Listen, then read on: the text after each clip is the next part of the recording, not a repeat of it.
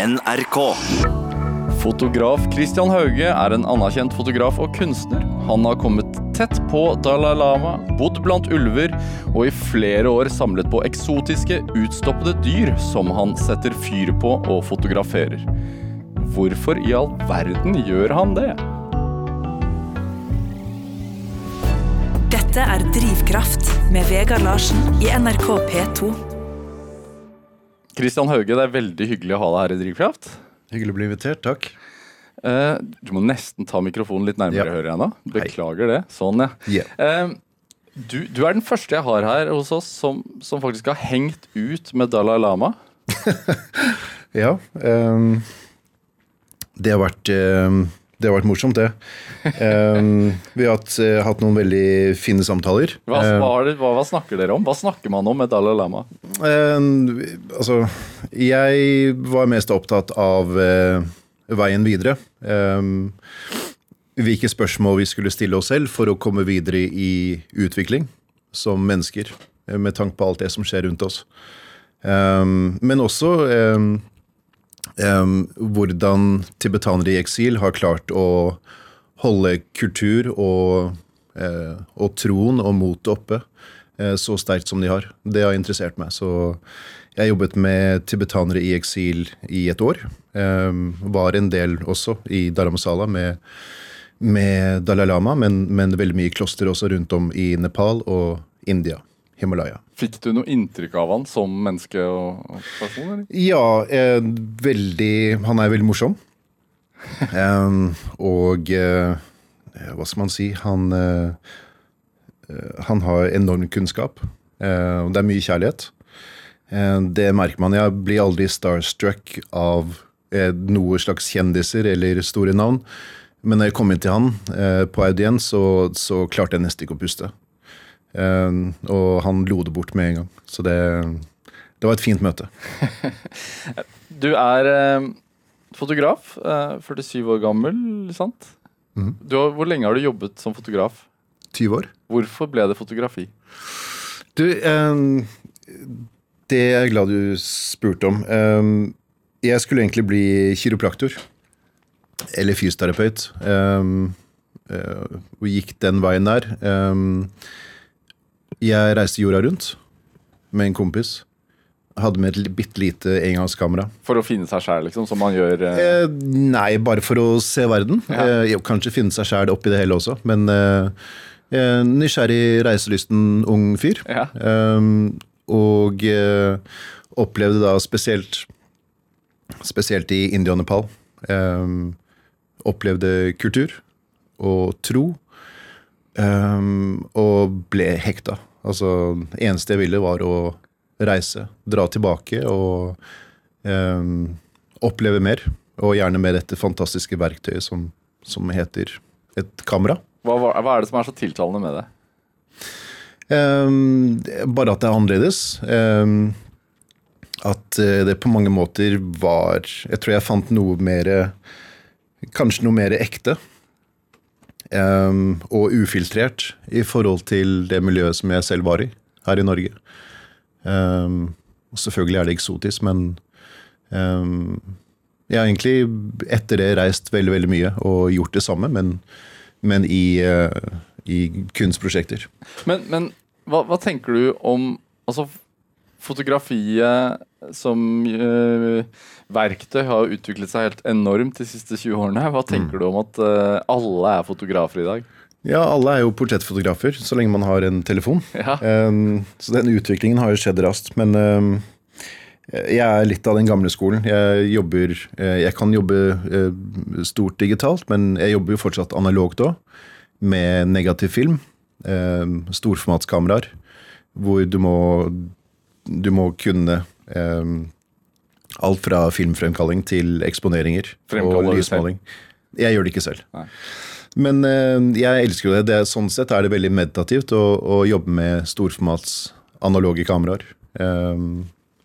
F- senest forrige uke så jobbet jeg med, eh, med det systemet eh, til et nytt prosjekt. Så det er veldig gøy. Hva har så tenker du at fotografiet eh, har mistet litt sin kraft pga. Liksom, mengder bilder som blir tatt. Altså Jeg sjekket på telefonen min før vi begynte her. Jeg tror jeg har sånn lagret på denne, da, og så er det masse opp i skyen. Men på telefonen min nå så er det 2500 bilder eller noe sånt. Ja, det er helt vilt. Um, jeg syns det villeste av det er at vi vi har all den informasjonen, vi, har, vi kan ta bilder hele tiden uh, og dokumentere livene våre, men det er egentlig veldig sjelden vi printer det ut, er det ikke det? Absolutt. Så det ligger bare digitalt. Det syns jeg er merkelig. Men jeg tenker at eh, kunsten i, i, fotografi, analog fotografi, eh, kommer alle til å miste sjarmen eller styrken sin. Det er en helt annen måte å jobbe på. Ofte så, så kan man jo se forskjellen også. Så jeg vil ikke si at digitalt på en måte har har overtatt på en måte. Um, jeg ser på det som, som, to veldig forskjellige ting. Dette er jo et radioprogram. Uh, går det an å si noe generelt om hva som kjennetegner bildene dine? Altså, for vi, vi, klarer ikke å vise dem til, til den som lytter. Men, mm. og, og, du har jo tatt bilde av vidt forskjellige ting. Men, men, går det an å si noe sånn generelt om hva som kjennetegner bildene dine, så, så folk skjønner uh, din signatur, eller hva, hva du tar bilde av? Ja, jeg um, Det har jo litt med, med den nysgjerrigheten min, uh, og, og, da også drivet til å utforske. Uh, det som kjennetegner prosjektene mine, er at jeg, jeg utforsker noe for å, å, forstå også meg selv i et større bilde. Gjerne invitere betrakter til å gjøre det samme, med sine egne referanser. Det jeg utforsker, er eh, relasjonen mellom natur og menneske. Natur og kultur, ofte. Um, vi, man kan jo si at vi er både natur og kultur. Um, men jeg er interessert i, i, konflikten mellom de også. Uh, bare spørsmål om naturen i utgangspunktet er med eller mot oss. Og omvendt, om vi er med eller mot naturen.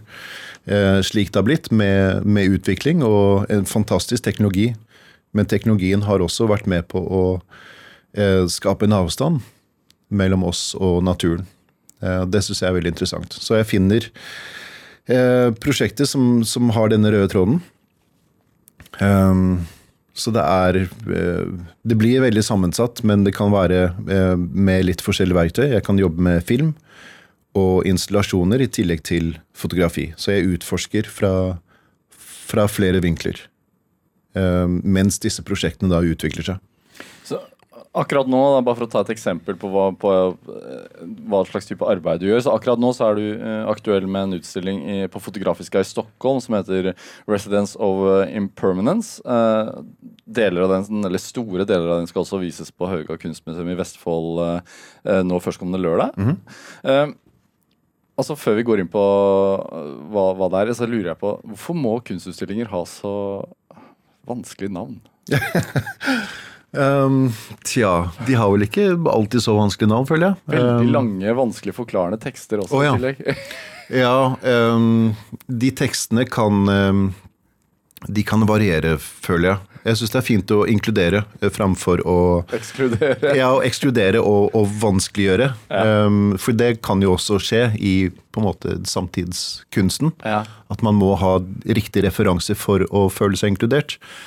Ehm, jeg er veldig opptatt av, av referanser, men også å, å, prøve å invitere folk, ehm, betrakter, til å kunne se seg selv. Ehm, gjerne provosere fram følelser. Og gjerne være veldig personlig. Jeg har ikke noe problem med å være personlig. Noen mener at man ikke skal være personlig i kunsten. Ja. Jeg tenker at det er jo hele poenget. Det er hele poenget mitt i hvert fall, til at jeg gjør dette her. Ja, Hva annet kan du være? Det ja, kommer jo fra deg. Det blir, det blir litt, litt, vel eh, skarpe kanter i den firkanten. Men, men, um, men altså på, på, den utstillingen eh, som man kan se på Haugar i, i Vestfold eh, fra og med lørdag, f.eks., eller i Stockholm hvis man er der på Fotografiska, mm. eh, der stiller du ut fotografier av brennende dyr. Ja. Det høres voldsomt ut. Det er voldsomt. Hvilke dyr brenner du? Jeg, jeg, holdt på å si jeg brenner alt jeg kan få tak i. Det, det stemmer jo ikke. Um, det, jeg, det, er utstoppede dyr, dette ja, her. det er et veldig, veldig viktig poeng. Um, det er ikke levende dyr. Det er ikke dyr som jeg har skutt selv. Um, og jeg, jeg, jakter heller ikke. det er gamle dyr. Det er gamle dyr av taxidermy, altså utstoppede, som eh, ofte er trofeer. Um, jeg vet så å si aldri noe om selve objektet. Um, bortsett fra at de er veldig gamle. Mange av de må repareres. De må sys sammen, eh, om det er ører som har falt av, eller en av grunnene til at jeg får tak i noen av de aller største, er at de kan ha skader. Um, Men, men hvilke dyr? Ok, hvilke dyr? Løve, eh, sjiraff, sebraer um, eh, eh, Altså um, Polarrev, eh, kobraer um, Store, storhjort. Eh, noen dyr som vi er vant til i Norge, men mange som er veldig eksotiske. Som trofeer. Eh, nå har jeg for så vidt også Jeg trodde jeg egentlig var ferdig med dette, her, men jeg, jeg har kjøpt flere dyr. Eh, så det blir en man, man, kan bli litt besatt. Jeg kan i hvert fall bli besatt av dette her. Hvordan får du tak i disse dyrene? Eh, det er ikke så lett. Um, veldig ofte så er det auksjoner.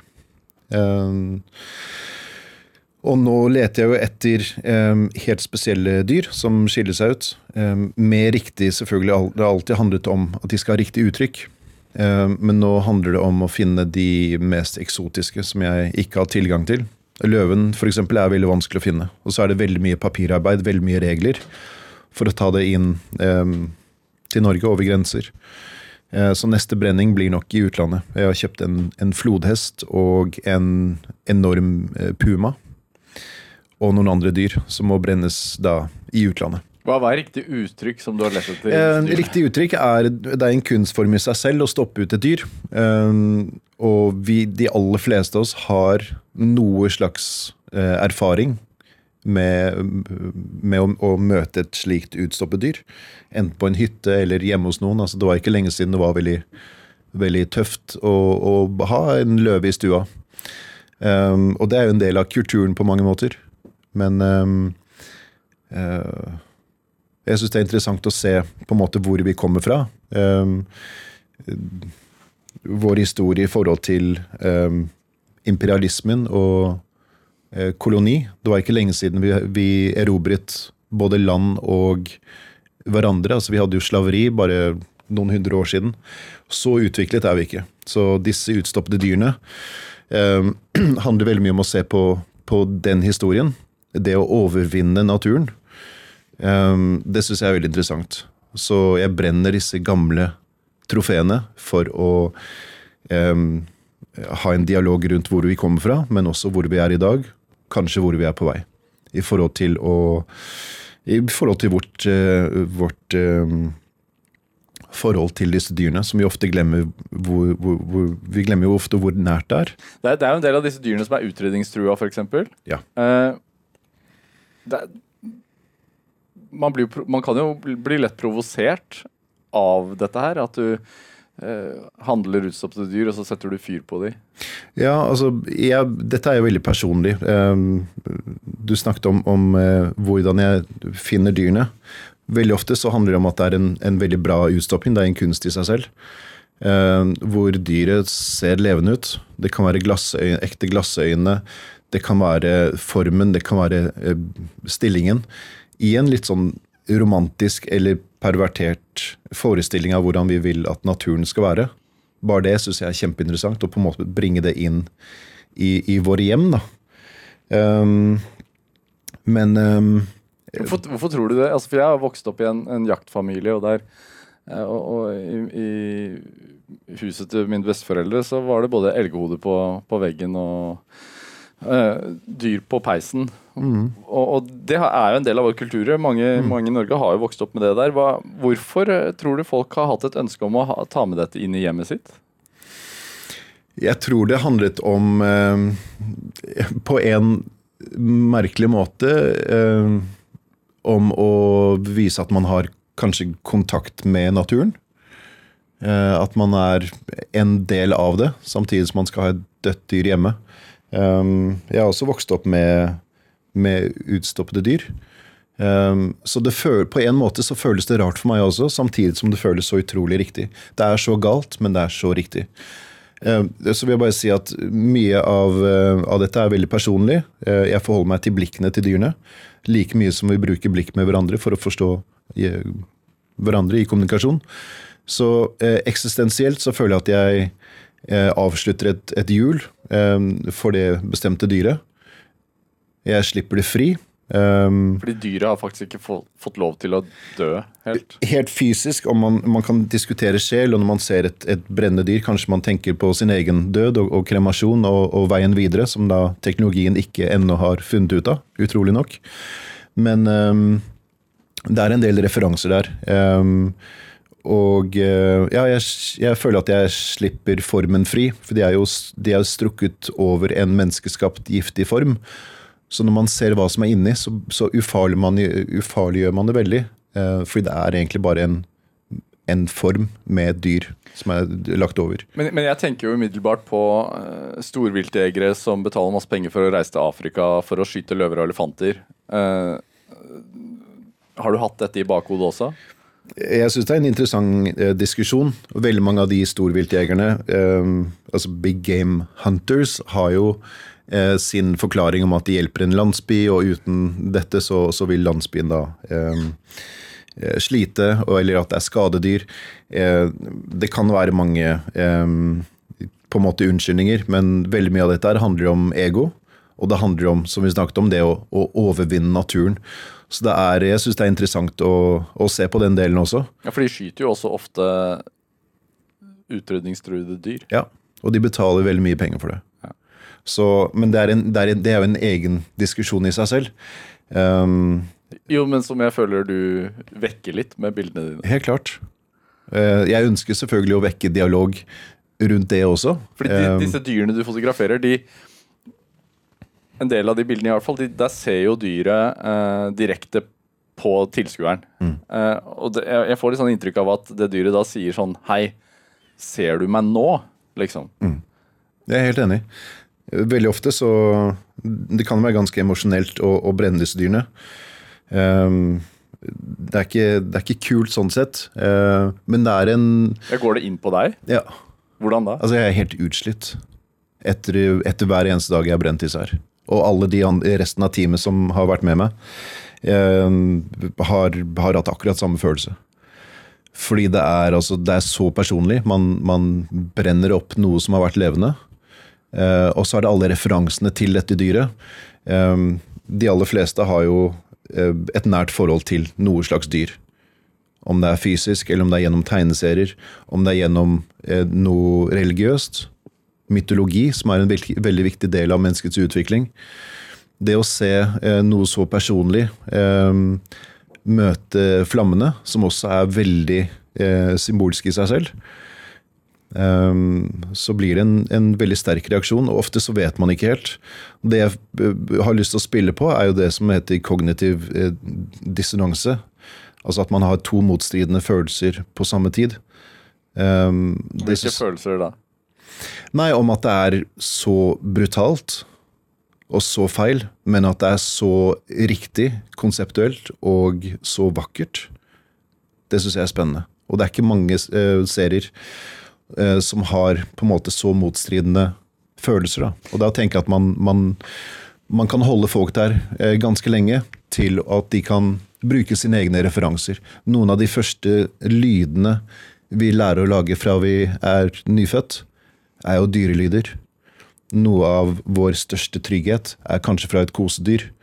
Vi glemmer ofte hvor nær eh, dyrene egentlig er fra eh, menneskets første kunst i Lascaux og Chauvet-hulene i Frankrike, 40 000 år, gammel, eh, år siden, så har du disse håndavtrykkene i oker. Videre inn i hulen så er det bare tegninger av dyr som har loftet opp til noe, eh, noe åndelig, noe spirituelt. Så eh, dyr har også vært, både dyr og flammer har vært med på å utvikle oss som mennesker. Ehm, men også for å, å, kommunisere. Vi bruker jo fortsatt dyr, dyrepersonligheter for å forklare hverandre. Um, i, i, språk, men også da i, i, resten av kulturen. Dette er Drivkraft med Vegard Larsen i NRK P2. Og i dag er eh, fotograf Christian Hauge her, og vi, vi prater om den siste utstillingen hans, som består av fotografier av brennende, utstoppede dyr. Eh, jeg tenker jo uh, umiddelbart på brannen som herjer i Amazonas når jeg ser disse bildene. Uh, som jo som jo er en, en måte mennesket behandler natur på. Uh, føler du at det er et innlegg i den debatten også? Ja, jeg tenker at det er en viktig referanse. Altså, verden brenner rundt oss, bokstavelig talt. Amazonas er har jo fått mye oppmerksomhet, og det er kjempeviktig. Eh, også med tanke på soy- og kjøttproduksjon, eh, som, som, begynner å virkelig eh, merkes. Men du har Indonesia, du har Alaska, du har eh, wildfires i California. Ikke alt som er eh, påsatt av, av bønder eh, for å tjene penger. Så det er, det er, en, viktig, det er en veldig viktig debatt.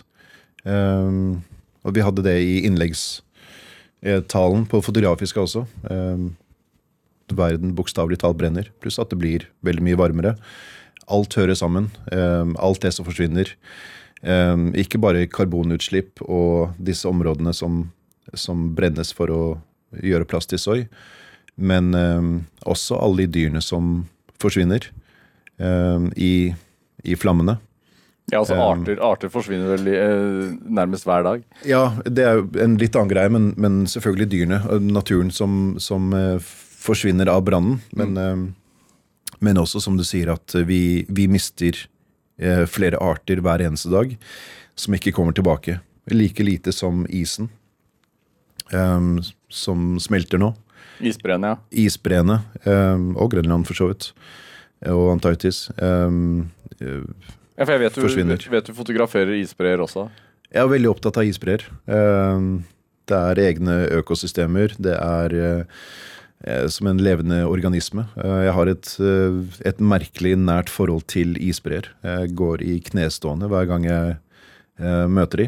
Ehm, så jeg har akkurat kommet hjem fra Sveits nå, hvor jeg, jeg jobber med en isbre for andre år på rad.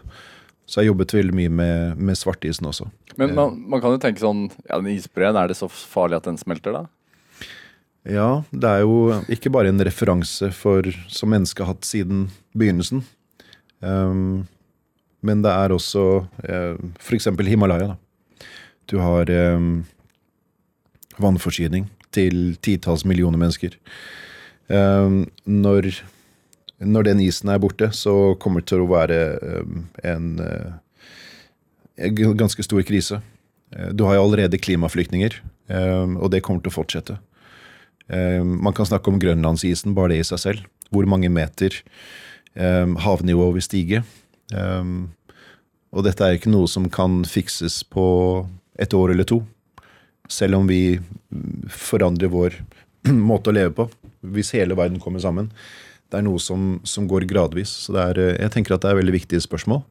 Eh, og også hvordan alt henger sammen. Vi forsøpler havene med plast. Eh, slipper ut enorme mengder med, eh, med avfall. Eh, isen forsvinner, artene forsvinner. Mye av dette kommer ikke tilbake.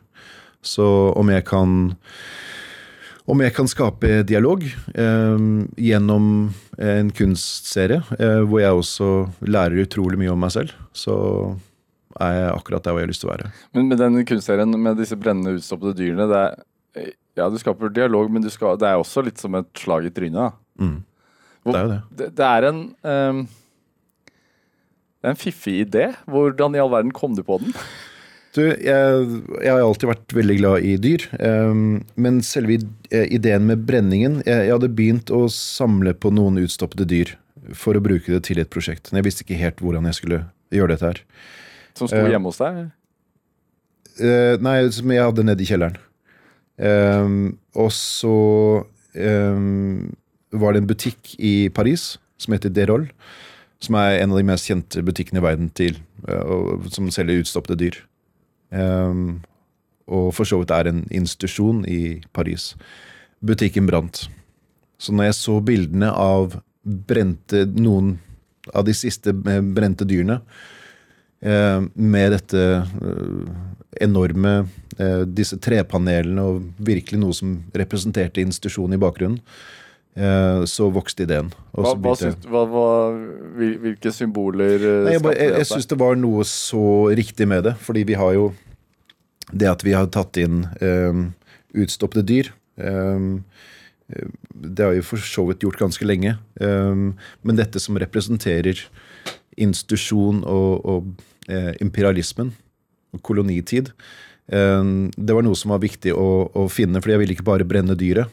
Så jeg kom på ideen med å bruke eh, håndlagde engelske tapeter eh, fra et veldig dyrt merke som er veldig hot nå, som heter House of Hackney. Um, hvor jeg fant riktig tapet til det designerte dyret eh, som skulle brenne. Um, for å holde alt veldig rent. Så alle bakgrunnene, bortsett fra løven, som har en betongbakgrunn, um, har, eh, har gamle engelske trendy tapeter.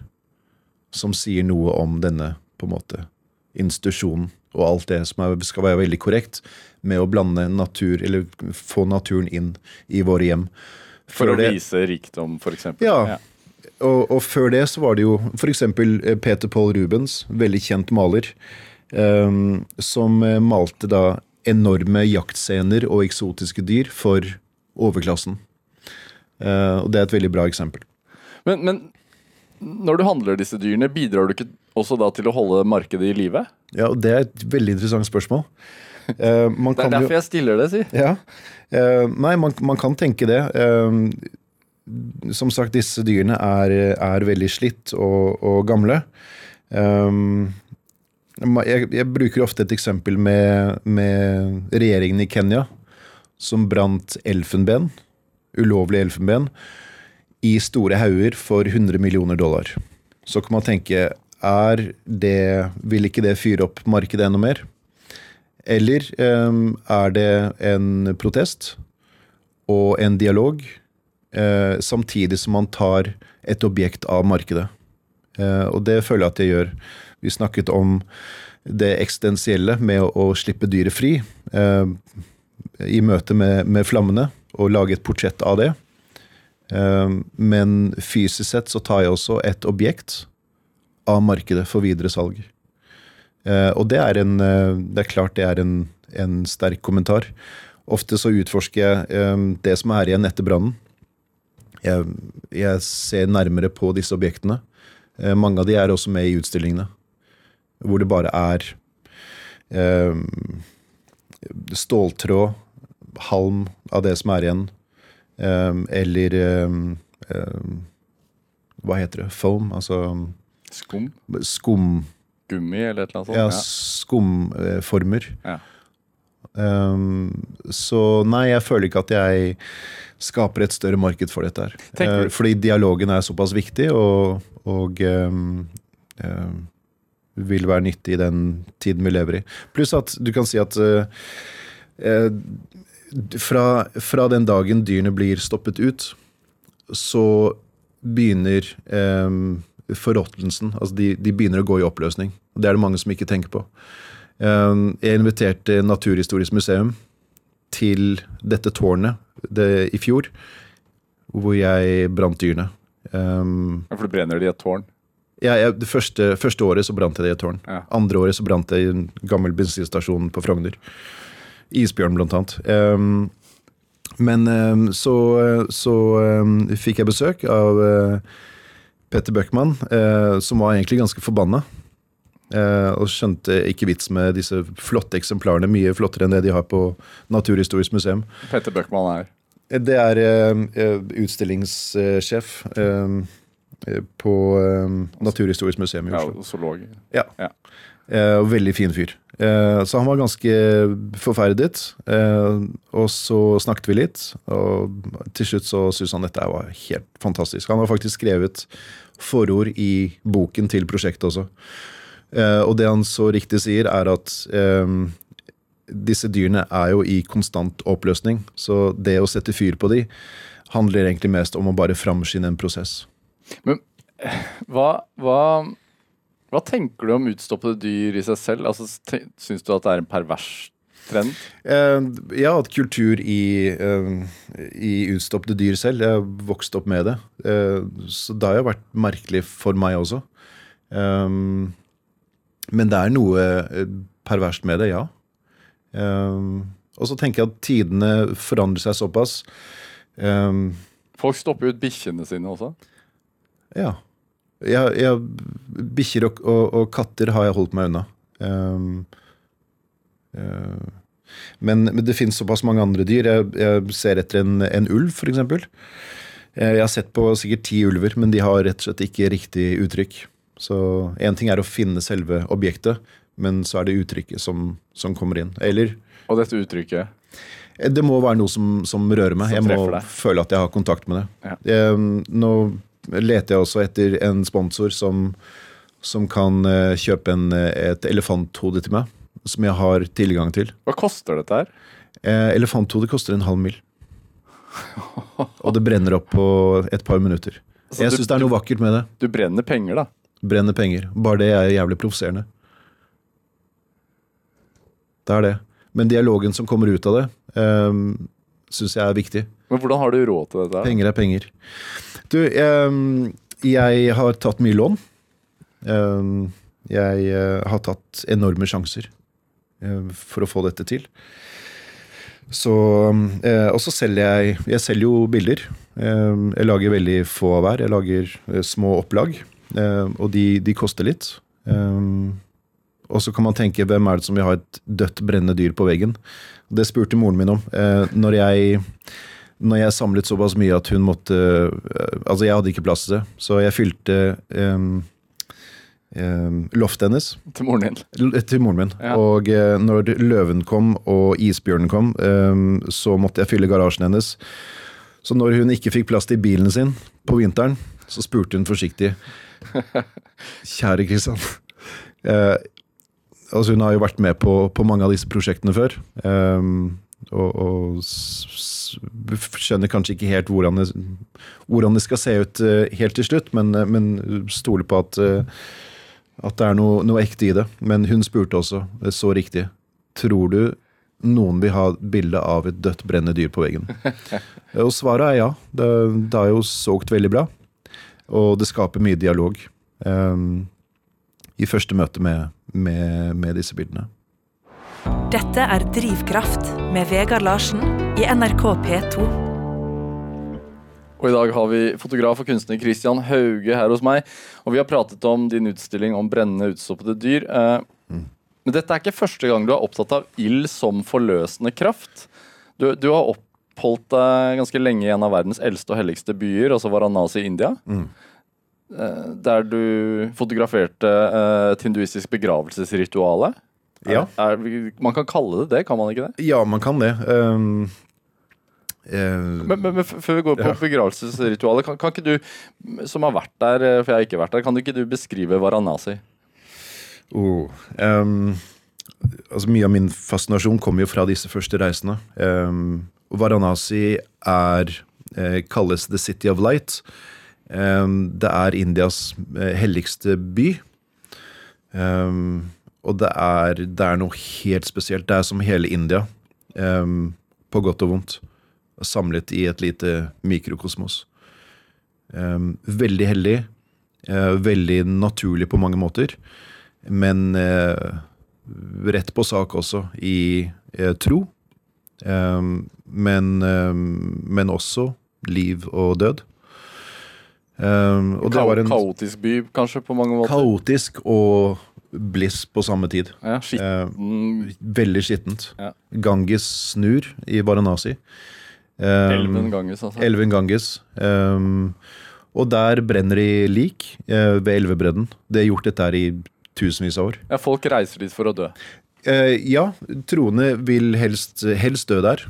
Eh, og om ikke de klarer å dø der, i hvert fall bli transportert. Så I rushtrafikken så er det jo lik på, oppå taxier, og det er helt kaos.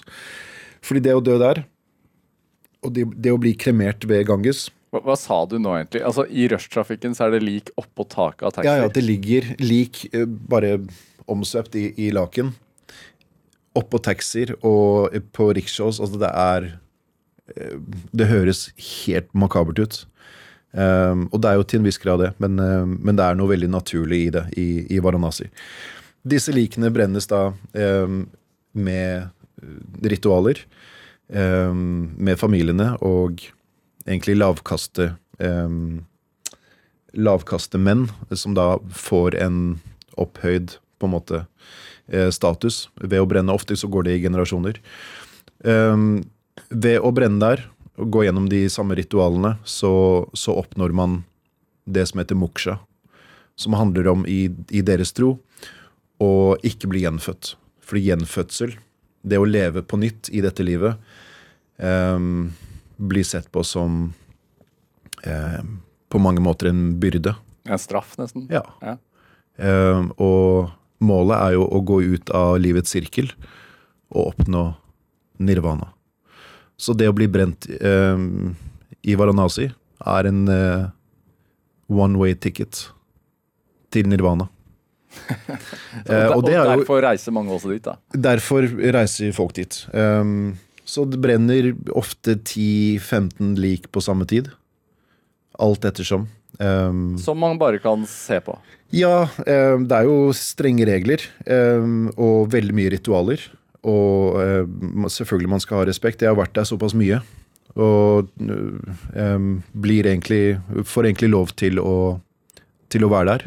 Eh, etter å ha forklart prosjektet og kommet tilbake. Det jeg har jobbet mest med, er uh, Moksha-hus. Det er jo de husene som er rett ved disse bålene, hvor folk kommer for å, for å dø. da.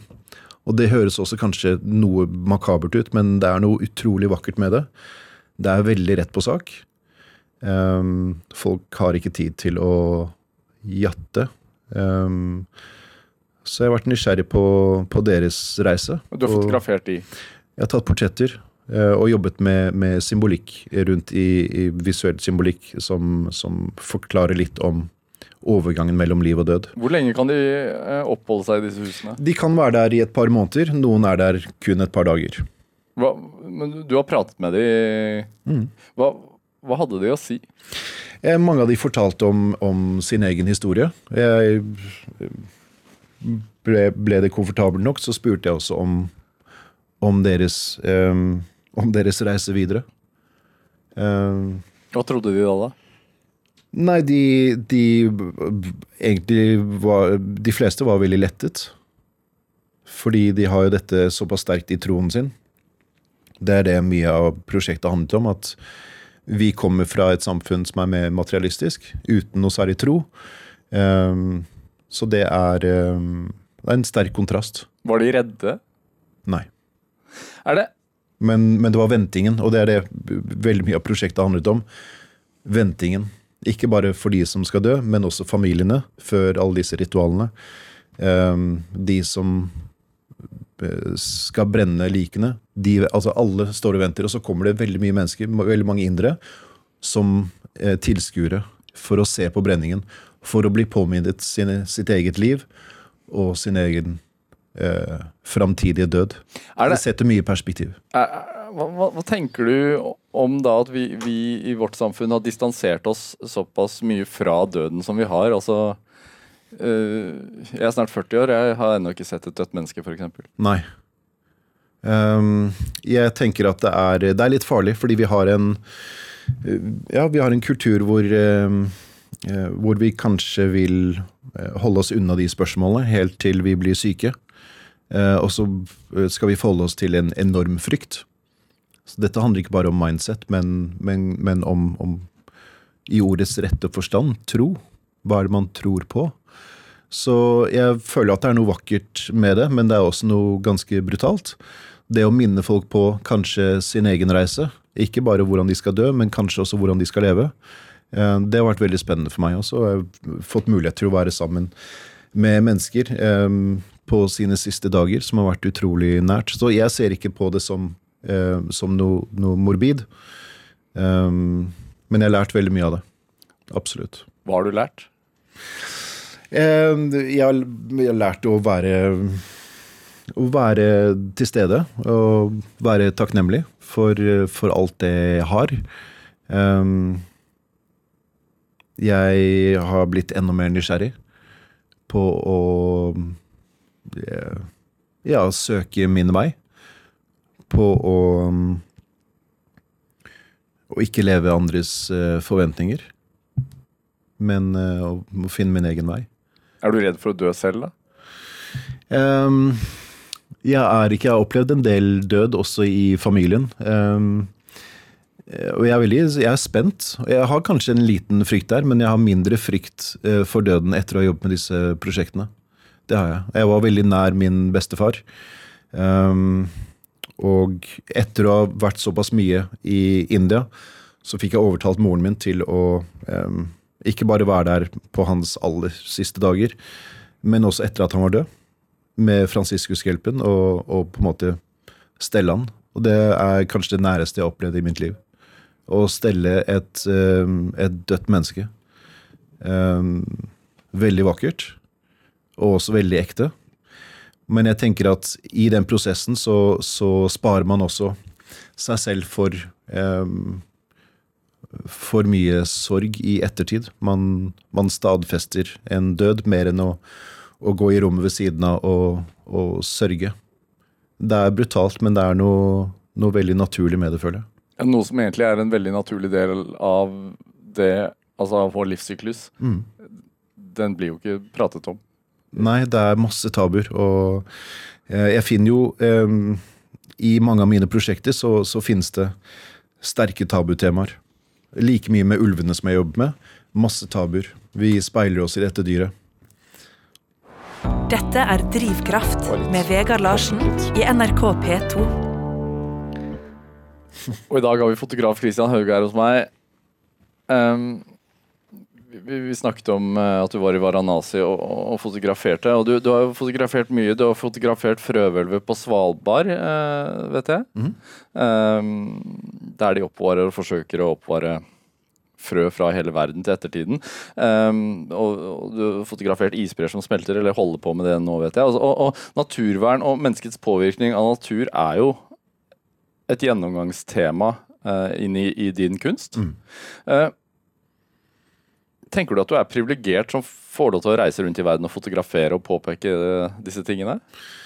Jeg føler meg veldig heldig. Altså, min nysgjerrighet har jo eh, brakt meg til de merkeligste områdene. Eh, jeg har jobbet på Svalbard gjennom 15 år. Og vært der da hvert år i, gjennom 15 år. Eh, for å søke eh, teknologi som brukes til å, å forstå miljø og forandringer med veldig høyteknologisk utstyr. som Eh, utstyr som da søker utover for å finne svar i et eh, landskap som, som, ligner veldig på et månelandskap. Den store kontrasten til det ble jo det indre, altså frøbanken, som du nevnte. Den, det globale frøhvelvet, um, som også er en kjempemotsetning i seg selv. Um, Hva mener du med det? Nei, det er en um, uh, Det er en stor kontrast til, uh, til det å søke utover, det å bevare frø. Eh, dette er den tryggeste, eh, tryggeste frøhvelvet i verden. Og det skal motstå eh, atomnedfall og terrorisme. Og da tenker jeg, hvor langt har vi egentlig kommet? Det skal beskytte oss mot oss selv, ikke bare naturkatastrofer. Naturkatastrofer som for så vidt også har ødelagt flere av verdens eh, frøbanker. Så det er en slags backup. Hva, tenk, hva, tenker du om oss som art, egentlig? Jeg tenker at vi er helt ferske. Jeg at, jeg er veldig glad for at du sier art, for det, det har vi en tendens til å glemme også. At vi er en art. Eh, etter at vi oppdaget ild, ifølge eh, bestselgerboken eh, 'Sapiens' av Harari, bare på 20 000 år så etter at vi oppdaget ild, så gikk vi fra nederst på rangstigen i naturen til Eh, det aller høyeste. Og det var egentlig der, der vår utryddelse begynte å begynne. Um, med, med, andre arter. Vi begynte å utrydde ganske tidlig. Dette er ikke noe nytt.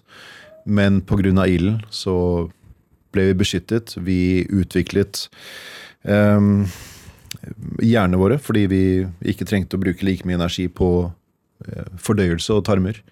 Vi ble beskyttet, vi kunne koke mat. Um, vi trengte ikke like røffe redskaper og tenner og eh, fødselskanalene ble større for å få plass til disse enorme hjernene som vi skal ha. Eh, Men ja, vi er bare en art. Eh, Og jeg tenker at i løpet av den utrolig korte tiden, 20 000 år, eh, hvis du ser på hele utviklingen av mennesket, så mm, har vi kanskje gått glipp av en større sammenheng. Og det er det mange av mine prosjekter handler om. Det å på en måte se oss selv i et større bilde. Er, er det, hva er liksom selve drivkraften din, da? Du reiser jo rundt. Jeg vet at du har eh, et barn også. Du er jo mye bortreist. Hva, hva er det som driver deg ut i verden for å få til dette her? Jeg, jeg, er, en, jeg er en nysgjerrig fyr. Jeg, jeg elsker å utforske, jeg elsker å prøve å forstå. Jeg liker å, å finne kontraster. Men det må jo være et engasjement der. Ja, jeg har, eh, har et eh, Nei, jeg vil, jeg vil dele. Jeg vil dele spørsmål, da. Kunsten handler ikke om å fortelle betrakter noe som helst, men det å kunne stille eh, vanskelige spørsmål eh, og invitere folk til å se seg selv i et større bilde, Um, det syns jeg er interessant. Og det er mye av drivkraften min. Og alt det jeg lærer i prosessen, er, eh, er noe som gir meg såpass mye at jeg, jeg kunne ikke tenke meg å gjøre noe annet. Men noe vil du nok si, tenker jeg. Det er jo veldig vanlig spørsmål, eller svar det der fra kunstnere. At ja, man vil, vil ikke fortelle noe noe, man vil stille åpne spørsmål. Men jeg føler jo at du ønsker å fortelle meg noe. Ja, det, selvfølgelig gjør jeg det, men, men jeg, jeg prøver ikke å si alt. Jeg vil at du skal bruke dine egne referanser når du ser bildet av et brennende dyr. Noe av det første du tenker, er kanskje Hva faen er dette her for noe? Um, allerede så har jeg din oppmerksomhet, og det er veldig fint. Om du hater bildene uh, og syns dette er bare tullete, så har du allikevel spurt det spørsmålet. I en verden, som du sier, av hvor du forholder deg til tusenvis av bilder hver dag. Neste spørsmål er kanskje om det brenner på ekte, og hvorfor. Så um, det syns jeg er spennende. Så ja, det kan være provoserende, men jeg har aldri gjort eh, noen av disse seriene for å på en måte sjokkere. Um, men jeg spiller mye på kultur og, og hvem vi er som mennesker. Dette må faktisk Altså, dyr må faktisk brenne for at man stopper opp i 2019. Ja, vi, vi lever i en, en dramatisk tid, og da tenker jeg at eh, kunsten også kan ha eh, dramatiske virkemidler for å, å kunne se klart. Du, du sier jo at vi har vært, altså kommet på toppen av rangstigen og kunne ha vært her som art de siste 20 000 årene, og så har vi brukt 20 000 år da, og nå brenner verden eh, under vår ledelse. Um, hvordan håper du verden ser ut om 20 år, da? Hmm. Jeg tror, eh, jeg tror eh, vi utvikler oss på en måte som Jeg tror det handler om, om sterke kontraster også. Jeg, tenk, jeg tenker at det er en, en pendel som, som går fra det ene ekstreme til det andre. Um, så jeg tror det kommer til å bli eh, litt verre før det blir bedre. Men jeg ser mye håp i den uh, nye generasjonen, uh, som da um, reiser seg og sier at nå, nå er det nok. Det er ganske flaut i seg selv. Um, at vi bare kjører på. Det er, eh, handler mye om menneskets ego. Det handler mye om penger. Og det handler mye om em, det å bare være trygg i akkurat det man har vært i. eh, så lenge man kan huske. Du har barn selv, blir du oppdratt av barnet ditt, eller? Ja, faktisk. Um, jeg får kjeft for at, at jeg kanskje ikke sorterer riktig plast i, i riktig bøtte. Vi er der, altså. altså kan man altså, vi, vi vokste jo ikke opp, verken du eller jeg, opp med, med noe utdannelse på skolen om resirkulering. Men ja, jeg har faktisk forandret meg mye av henne. For henne så er det mest naturlig i verden. Så Kaja, Kaja oppdrar pappaen sin når det gjelder resirkulering. Så det handler bare om å bli litt mer bevisst. Jo mer man har dialog rundt ting, jo mer forstår man og, og kanskje tar tak. Så jeg tenker at den dialogen er viktig i alle retninger å være en del av noe. At man faktisk kan eh, gjøre en forskjell. Så har du alle disse klisjeene i å gjøre en forskjell, at din stemme teller. Vi lever i et demokrati. Eh, og folket bestemmer veldig mye mer enn enn det de eh, ofte tenker. Hvis man kan ha dialog og eh, komme sammen for å eh, skape press eh, på, på regjering som også kan ta dette videre. Det har noe å si. Kristian Hauge, vi, vi har snart sittet der en time, men eh, jeg er nødt til å spørre deg om noe. Fordi du er ikke bare den første i dette studio som, som, sitter her hos meg som har møtt Al-Adama. Du er også den første jeg sitter her sammen med som har bodd sammen med ulver. Ja, jeg har ikke bodd sammen med de direkte, men jeg har vært veldig mye sammen med eh, to ulveflokker. Ja. Eh, og en som ulv i USA. Så jeg jobbet i Norge og USA. Stemmer det at du måtte lære deg ulvespråk? Eh, jeg, har gått, eh, jeg har gått kommunikasjonskurs, altså språkkurs, eh, for ulv. Og samtidig også sikkerhetskurs for å kunne være sammen med dem. Hva lærer man på et kommunikasjonskurs for ulv? Du lærer ganske mye om deg selv, eh, og eh, eh, hvordan, hvordan møte de. Hva du ikke skal gjøre, ikke minst. Som er? Det har med bevegelser å gjøre. Det har med linjer som man ikke da krysser fysisk. Blikk og sånn? Veldig mye blikk, veldig mye kroppsbevegelser på å lese ulvens språk. Og de kommuniserer veldig tydelig, ofte på fire-fem forskjellige måter, for at det ikke skal være noen misforståelser. Hvordan sier de fra at de ikke liker deg? Um, det ser du på blikk, du ser det på uh, hale, du ser det på øynene, du ser det på ører. Og de er jo markert også fra naturens side for å uh, gjøre ting enda tydeligere. Men det er et hierarki, så det er viktig å forstå ledelsen Um, og de er som mennesker. De kan være feige, det kan være mobbing, uh, det kan være smisking. Uh, men det er også mye kjærlighet uh, oppi det hele. Oppi hierarkien. Men det kan også være mye ensomhet. Det kan være ut, utstøtte individer som ofte følger flokken i to måneder i håp om å slippe inn igjen. Eh, og en ulv uten flokk er også en ulv uten identitet. Og sånn er det vel også med mennesker. At vi speiler oss i hverandre. Eh, så jeg har gått inn på igjen tabutemaer hos mennesket i møte med denne eh, merkelige eh, Dette dyret som vi alltid har forholdt oss til og, og hatt veldig mye respekt for. Men, men altså bare for å bli ferdig med det med det språket. Mm. Du, det var ikke noe hylekurs? Nei, hylingen kommer helt naturlig. Så det å, det å, å ule med, med, ulver er helt spesielt. Du har gjort det? Ja, ja, ja. Men det kan du gjøre med hunder også.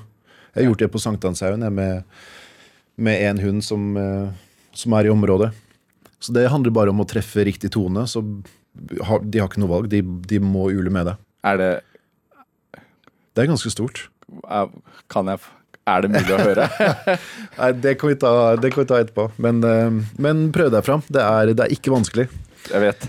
Det sitter, sitter, en lytter der hjemme nå som er ekstremt nysgjerrig ja. på, på, hvordan et ulvehyl høres ut. Ul litt, ul, ul litt eh, etter sendingen. Gjerne.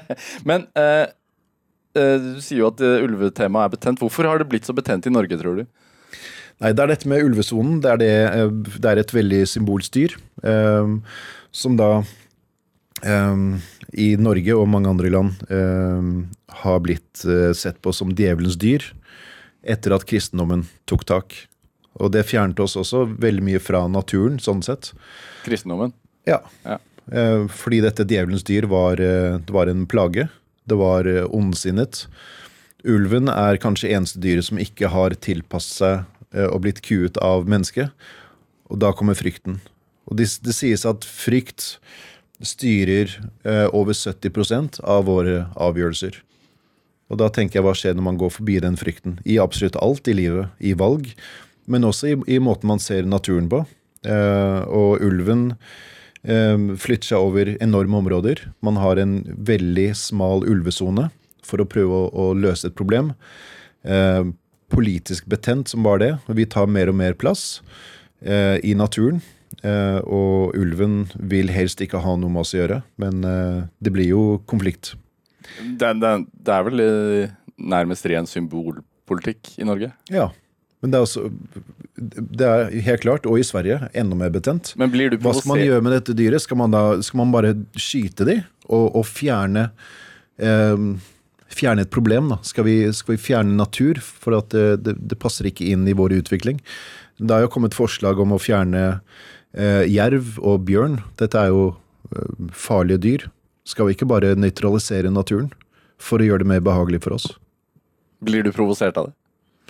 Jeg syns det er en interessant diskusjon. Ja, jeg blir jo litt provosert, men jeg, jeg valgte å ikke gå veldig inn i ulvedebatten. Jeg ønsket å gå mye dypere inn i hvordan vi speiler oss um, i et dyr som alltid har vært der. Etter at jeg gjorde ulveprosjektet, så gikk jeg også inn og forsket på ulveritualer fra 1600-tallet i Norge. Det vet jeg ikke hva er. Eh, hvor man skulle holde ulven unna med overtro oh, ja. og ritualer. Det er ganske mørke ting. Det er alt fra kors, eh, kjærekors på dyr, eh, fysiske kors, eh, eh, brystmelk som skulle innvortes og utvortes for å holde ulven unna. Det var vakre eh, eh, sanger som skulle synges ut i skogen. Eh, og også beinrester som skulle legges ut i skogen som et slags offer. Eh, og dette var, var sterk overtro, eh, som ble blandet da med kristendommen i Guds navn. Ja, for du, du har jo forsket litt på, det, på dette her, og vi, vi har vel egentlig aldri hatt noe særlig grunn til å frykte ulven? Nei, egentlig ikke, men hvis man skal gå inn politisk da, det, Mye av dette her handler jo om det økonomiske òg. Om skoger som har veldig mye elg. Eh, som de også tjener mye penger på i forhold til jakt. Elgen er um, um, viktig eh, livsrett for, uh, for ulven. Men ulven skaper også en balanse i naturen ved å ta uh, skadede dyr og, og eldre dyr. Så de, sånn sett renser de også da f.eks. flokk av, uh, av andre dyr. De har gjort et eh, prøveprosjekt i Yellowstone bl.a., hvor de har introdusert eh, ulven igjen. Eh, og da Ja, det har jeg sett et videoklipp av. Fått hele økosystemet opp og gå igjen. Ja, og dyrene kom tilbake, smådyrene kom tilbake. Elvene da um, ble eh, tydeligere. Um, ja, det er en naturlig balanse. Kristian Hauge, det var veldig hyggelig å ha deg her i Drivkraft. Dette var alt vi rakk i dag. Tusen hjertelig. Du kan høre flere samtaler i Drivkraft i NRK radio på nett og på appen. Ha det bra.